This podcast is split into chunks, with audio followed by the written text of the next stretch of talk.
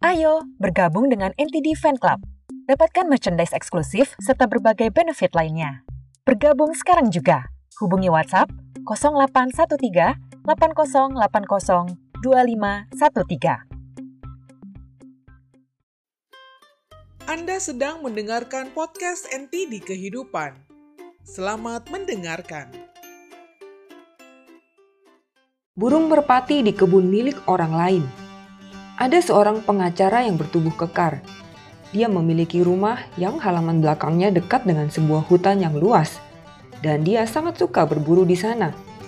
Suatu hari saat sedang berburu, dia melihat ada seekor burung merpati yang terbang.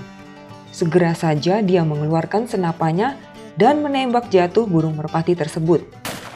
Ternyata burung merpati itu jatuh di balik pagar kebun milik seseorang yang tinggal di hutan itu. Karena melihat tidak ada orang di sana, jadi dia segera melompati pagar dan mengambil burung merpati hasil buruannya. Tepat ketika dia akan melompat kembali ke balik pagar, si pemilik kebun pun muncul dan berteriak. Hei, pencuri, berhenti! Pengacara itu berkata, Saya bukan pencuri. Saya hanya ingin mengambil hasil buruan saya. Pemilik kebun itu ternyata adalah seorang kakek tua.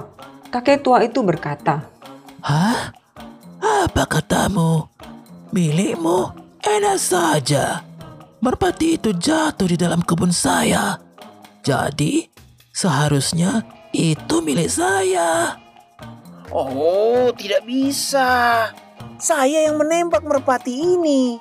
Jadi sayalah yang berhak atas merpati ini.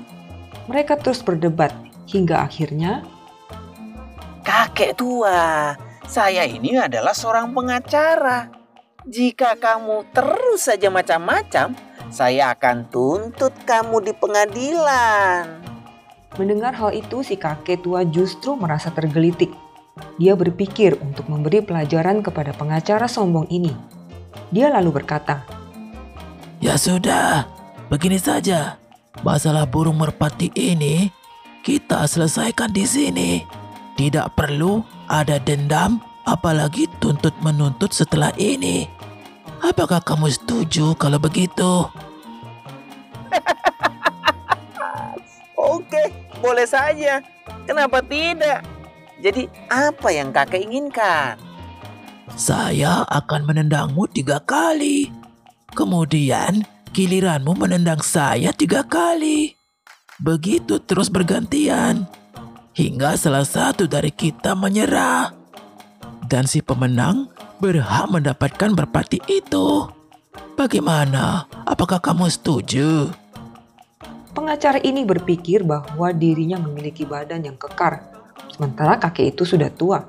Sudah pasti dirinya yang akan menjadi pemenangnya. Baiklah, saya setuju. Jangan menyesal nanti ya, Kek. Oh, saya tidak akan menyesal. Saya tahu apa yang saya lakukan. Baiklah, terimalah tendangan pertamaku ini. Kemudian kakek itu pun menendang perut si pengacara dengan keras. Aduh. Terima ini tendangan keduaku. Aduh. Sekarang ini tendangan ketigaku. Aduh. Sambil memegangi perutnya yang sakit, pengacara ini berkata, Baiklah, Kek. Sekarang giliran saya. namun tiba-tiba si kakek berkata, Ah, tidak perlu. Saya menyerah. Saya menyerah. Silakan kamu ambil saja merpati itu. Lagi pula, memang kamu kan yang menembak jatuh merpati tersebut.